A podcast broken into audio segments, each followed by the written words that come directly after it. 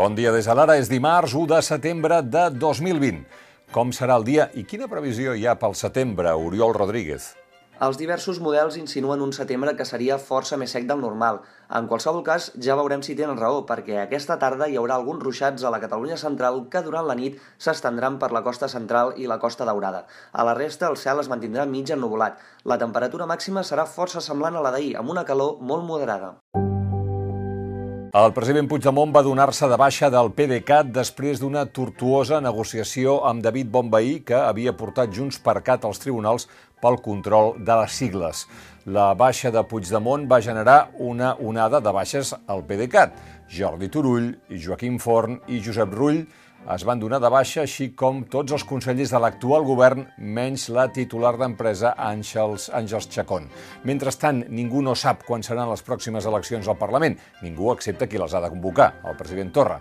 Ahir, tot i que no va revelar les seves intencions, sí que va donar algunes pistes en una entrevista a TV3. La principal és que va considerar que si el Tribunal Suprem eh, i l'inhabilita eh, mentre encara ocupa el càrrec, ni Junts per Catalunya, ni Esquerra Republicana ni la CUP haurien de presentar un candidat a la investidura.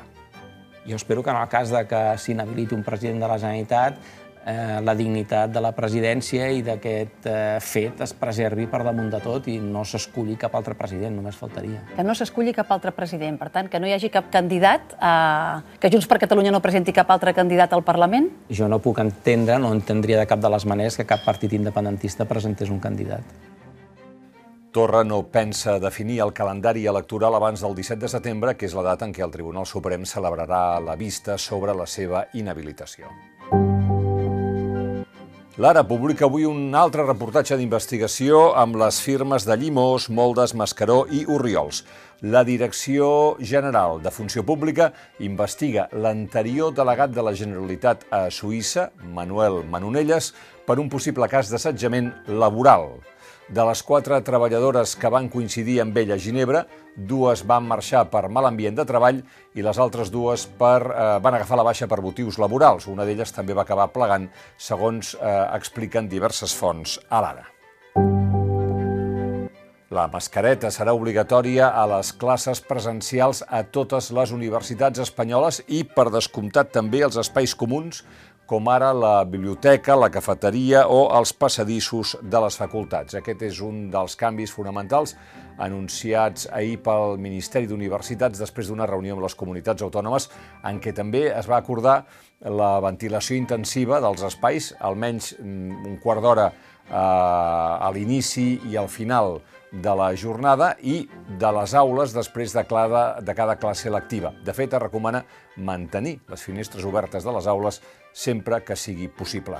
Mentrestant, la ministra espanyola d'Educació, Isabel Celà, va demanar eh, ahir des del Congrés un gran esforç de tots els actors educatius perquè les escoles eh, funcionin, eh, s'obrin i es mantinguin obertes tot el curs. I encara sobre la pandèmia, una notícia que és prou important com perquè li haguem dedicat l'editorial del diari, i és que només un 5% dels autònoms han cobrat aquest agost la prestació per la caiguda de la seva activitat. Això vol dir que del total de 3 milions d'autònoms que paguen la seva cotització a Espanya, només 148.000 han cobrat. En parlem a l'editorial i expliquem els motius doncs, eh, que són les condicions de, eh, draconianes que es demanen per complir amb els requisits per poder eh, cobrar aquesta prestació per caiguda de l'activitat. En concret, només es pot cobrar si pots acreditar una baixada de la facturació de més del 75% respecte de la mitjana del semestre anterior.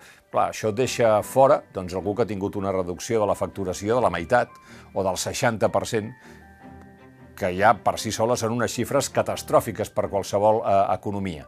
Si això s'hi suma que no hi ha hagut moratòria en el pagament de les quotes, doncs la situació és dramàtica. La conseqüència eh, d'aquest abandonament dels autònoms és que almenys un 10% afronta un risc real d'haver de tancar el seu negoci de manera imminent. Una altra qüestió dramàtica, però per una altra raó. El president Donald Trump té previst eh, anar avui a Kenosha, a Wisconsin, i anar-hi eh, on fa poc més d'una setmana un policia va disparar set trets per l'esquena a Jacob Blake, un afroamericà de 29 anys que ara està hospitalitzat amb el cos paralitzat de cintura en avall segons la família. El governador de l'estat de Wisconsin li ha demanat al president Trump que no hi vagi perquè el titular de la Casa Blanca no hi va a consolar la família de Blake, sinó a reunir-se amb la policia local responsable del tiroteig i amb propietaris d'establiments afectats per desperfectes en les protestes posteriors.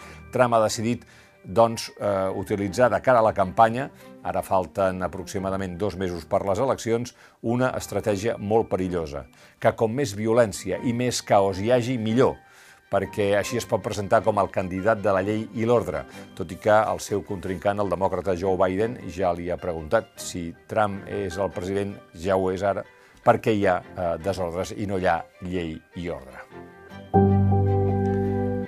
Aquest és el primer entrenament del Barça de l'època de Ronald Koeman com a entrenador. No hi va anar Messi, que, com explica Toni Padilla, continua tancat a casa seva a Castelldefels, tot esperant la negociació entre el seu pare i el president Bartomeu, que, pel que sembla, tindrà lloc a partir de demà.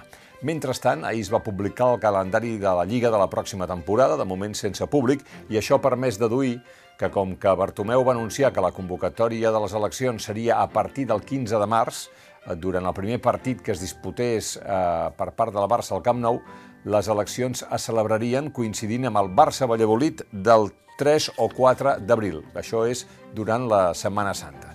I ja està en marxa una moció de censura contra Bartomeu.